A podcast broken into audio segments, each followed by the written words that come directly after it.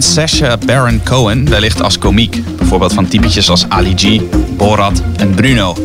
Maar dat hij ook serieus kan zijn, bewees hij twee weken terug in een vlammende toespraak waarin hij het had gemunt op Facebook. Het is tijd voor strengere regels om het sociale netwerk en andere grote techbedrijven in toom te houden. Is het tijd voor strengere regels? We gaan het bespreken met Arendo Joustra.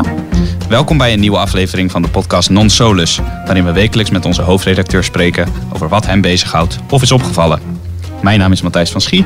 Goed dat u weer luistert naar een nieuwe podcast van Els 4 Weekblad. Arendo, welkom. Dag Matthijs. We gaan eerst even luisteren naar een eh, klein stukje van de toespraak van Sacha Baron Cohen. Die die hield bij de Anti-Defamation League. Dat is een eh, organisatie tegen antisemitisme en andere vormen van onverdraagzaamheid in Amerika. Hate crimes are surging, as are murderous attacks on religious and ethnic minorities. Now, what do all these dangerous trends have in common? All this hate and violence is being facilitated by a handful of internet companies that amount to the greatest propaganda machine in history. Zuckerberg tried to portray this whole issue as choices around free expression. That is ludicrous. This is not about limiting anyone's free speech. This is about giving people, including some of the most reprehensible people on earth, the biggest platform in history to reach a third of the planet. Freedom of speech is not freedom of reach.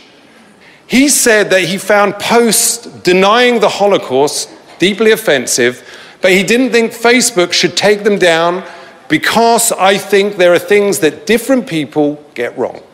Under this twisted logic, if Facebook were around in the 1930s, it would have allowed Hitler to post 30 second ads on his solution to the Jewish problem. Nou, lang niet zo grappig als Borat of Ali G, maar wel het luisteren waard. Ben jij het eens met zijn kritiek? Nou, ik heb de hele toespraak beluisterd. Het duurt ongeveer 20 minuten. En met sommige dingen was ik het wel eens. En ik vind dat hij een beetje te ver gaat als het gaat om uh, de censuur. Uh, hij vindt dat uh, ontkenning van de holocaust moet worden verboden. Nou, daar denk ik net iets anders over. Um, er zijn wel meer mensen die ook hele boeken hebben geschreven over dit onderwerp. Die toch zeggen, je moet het laten bestaan, dan kan je het ook beter bestrijden. Waar ik het wel enorm met hem eens ben, is dat, um, dat Facebook bijvoorbeeld... Maar hij heeft ook over Google en Twitter... maar dat Facebook net doet of ze geen verantwoordelijkheid dragen. En dat, ze, dat het platform wat ze maken, uh, Facebook, een soort doorgeefluik is. En uh, niet een eigenstandig uh, kanaal zijn. En dat vind ik een beetje vreemd, want daarmee daarmee uh, hebben ze geen enkele verantwoordelijkheid voor alles wat op die, uh, op die kanalen wordt geplaatst. Ja, je hebt uh, bijvoorbeeld een juridische status als uitgever. Dat hebben wij bijvoorbeeld als Elsevier Weekblad. Kranten hebben dat. Maar je hebt ook een status als platform. En dat is volgens mij de officiële status van Facebook. Waardoor je dus inderdaad, wat jij zegt, een, een doorgeefluik bent. Maar uh, wat volgens mij een van de uh, standpunten is van uh, Sacha Baron Cohen en vele anderen, is dat Facebook zo machtig is geworden, zo'n grote invloed heeft op de levens van mensen, de opvatting van mensen, dat ze ook inhoudelijk zouden moeten kijken naar wat ze plaatsen. Ja, hij gaf zo het voorbeeld, de films die hij maakt, moet, moet hij ook voldoen aan allerlei regels, in Amerika als, als Groot-Brittannië. En hij moet dingen ook weglaten. Hij neemt ook die verantwoordelijkheid. Als hij dat niet doet, dan komt hij in problemen met de rechter. Maar het gekke is dat bij Facebook dat allemaal niet geldt. En dat is in wezen een beetje vreemd. Bijvoorbeeld als je naar Elsevier kijkt, alles wat onder vlag Elsevier wordt gepubliceerd, ook mensen die reageren op, uh, op uh, blogs of reageren op berichten, uh, doen dat natuurlijk onder eigen naam of onder een schuilnaam. Maar voor de inhoud daarvan is ook Elsevier verantwoordelijk. Wij zijn, zoals je zegt, inderdaad als uitgever verantwoordelijk voor wat er op, onder onze vlag wordt gepubliceerd. En, en ja, Facebook, Twitter en Google doen net als neusbloed. En uh, ze eenvoudig doorgeefluik zijn en helemaal niet geen verantwoordelijkheid uh, dragen. Nou, in de eerste plaats heb ik daartegen dat het een ongelijk speelveld creëert. Dus zij zijn niet verantwoordelijk en wij zijn wel verantwoordelijk. Nou, dat, die ongelijkheid moet, moet worden weggenomen. Ja, helder. je noemde net al even holocaustontkenning. Dat is een van de onderwerpen waar Facebook om onder vuur ligt. Dat dat daar wordt gedaan. andere zaken die veel weerstand oproepen zijn boodschappen als racisme uh, leugens, nepnieuws, smaad die op Facebook verschijnen, uh, waar Facebook niets aan hoeft te doen. Nou zeg jij, uh, je noemde het voorbeeld van holocaustontkenning. Het is de vraag of Facebook dat niet zou moeten toestaan. Maar wat betreft racisme of nepnieuws, vind je dan wel dat Facebook een taak heeft om dat van zijn platform te weren? Ja, ze moeten gewoon aan de regels doen, aan de wetten van het land waar ze opereren. Nogmaals, de Hollandcast-ontkenning is natuurlijk verschrikkelijk en, en, en fout. Dat is duidelijk. Maar ja, ik zeg het maar eventjes. Maar ehm, nou, er is een, een, vrouw die is door een Holland Kassenkenner van smaad beschuldigd in Engeland. Heeft een proces van zes jaar moeten voeren tegen hem. om, om te, aan te tonen dat hij onjuist is en niet zij. En desondanks vindt zij, na die lange strijd van zes jaar, dat het toch niet verboden mag worden. Dus nou, ik volg haar maar eventjes. Maar ik vind gewoon dat Facebook, Google, Twitter aan dezelfde regels moet voldoen als, als wij moeten voldoen. En, andere media. En dat is niet zo. En dan kan je vervolgens praten. Kijk, uh, wat fake news is en zo, dat is allemaal nogal diffuus. Ja. Maar uh, je bent wel in rechten aansprakelijk voor wat je doet. En zij niet. En dat, die ongelijkheid moet eruit. Dat is het eerste punt. Het tweede punt zou zijn, ze zijn te groot en te machtig geworden. Precies. Uh, en ik mag graag verwijzen naar de 19e eeuw. Hm. Toen had je enorme grote uh, treinmagnaten, spoorwegmagnaten en ook bankiers.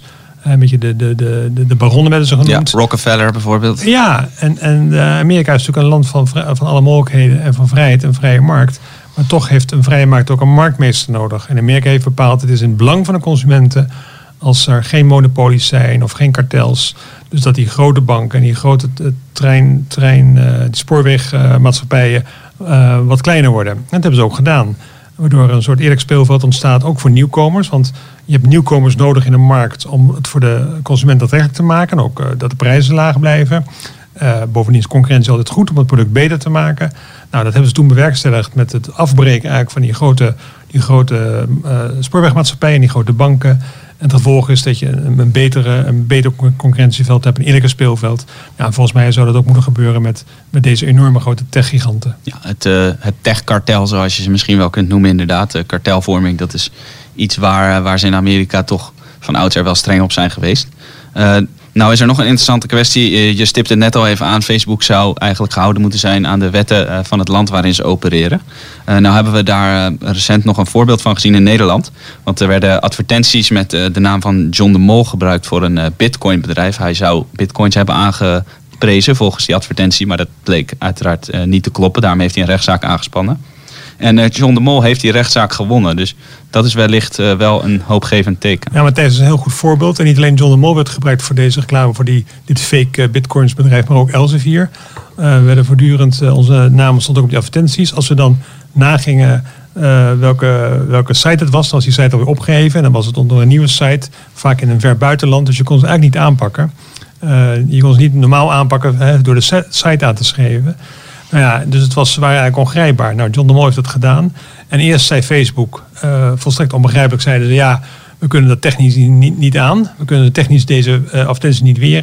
Dat is natuurlijk een heel mooi argument voor een van de grootste techbedrijven ter wereld. Met duizenden, duizenden mensen in dienst en ingenieurs in dienst die dat kunnen. Als iemand het kan, dan is het Facebook zelf. Ja, en bovendien als je zegt ik kan het niet aan, dan bewijs je dus eigenlijk dat je out, of control bent. Dat je geen controle hebt over je product.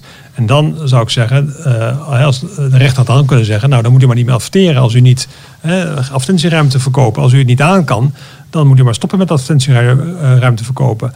Nou, dat argument van Facebook heeft geen stand gehouden bij de rechter. En de rechter heeft inderdaad gezegd uh, tegen Facebook, Facebook, los het op. want John de Mol wordt op deze manier, John de Mol en anderen, onder andere dus Elsevier, wordt nu in verband gebracht met, met oplichters. En dat moet u zien te voorkomen. Duidelijk, dan uh, wil ik nogmaals even u als luisteraar en uh, mogelijke lezer ook op onze website even waarschuwen als u een advertentie ziet waarin een bekende Nederlander op een heel sensationele wijze iets aanprijst, dan is dat niet per se met onze goedkeuring verspreid, dus, dus pas daarop. Dan wil ik ook nog even één punt aanstippen over nu.nl. Het is namelijk zo dat laatst nu.nl heeft besloten om niet langer te factchecken voor Facebook. Dat was namelijk een, een afspraak dat nu.nl berichten van Facebook uh, op feitelijkheid zou controleren. Maar Facebook heeft gezegd, wij willen niet dat jullie uitspraken van politici gaan controleren. Mogelijk omdat ze bang zijn dat ze dan beticht worden van politieke vooringenomenheid. Als zij bijvoorbeeld, een dat zij Donald Trump zijn uitspraken wel zouden factchecken en die van een democratische politicus niet, dan zou de, de lading van politieke vooringenomenheid kunnen ontstaan. Snap jij die redenering van Facebook? Of vind jij wel dat Facebook ook naar uh, uitspraken van politici zou moeten kijken? Nee, want daarin gaat, uh, gaat Sascha te ver eigenlijk. Ja. Uh, dus ik, ik ben voor, voor een vrij grote vrijheid van meningsuiting. en dus vrijheid van meningsuiting moet maar gecounterd worden door andere mensen die niet met iemand eens zijn. En dat moet niet overgelaten worden aan, aan, aan Facebook. Maar tegelijkertijd kan je natuurlijk zeggen dat Facebook, zoals wij dat bij Elsevier ook doen, Facebook mag natuurlijk reuze goed zelf bepalen of ze sommige uitingen wel uh, willen verspreiden of niet willen verspreiden. Dat is natuurlijk het goed recht van een uitgever uh, en niet van een doorgeefluik. Een doorgeefluik die moet alles maar goed vinden. Maar ik zie het meer als een uitgever en die, moet, uh, die hoeft niet alles te publiceren wat tot hem komt.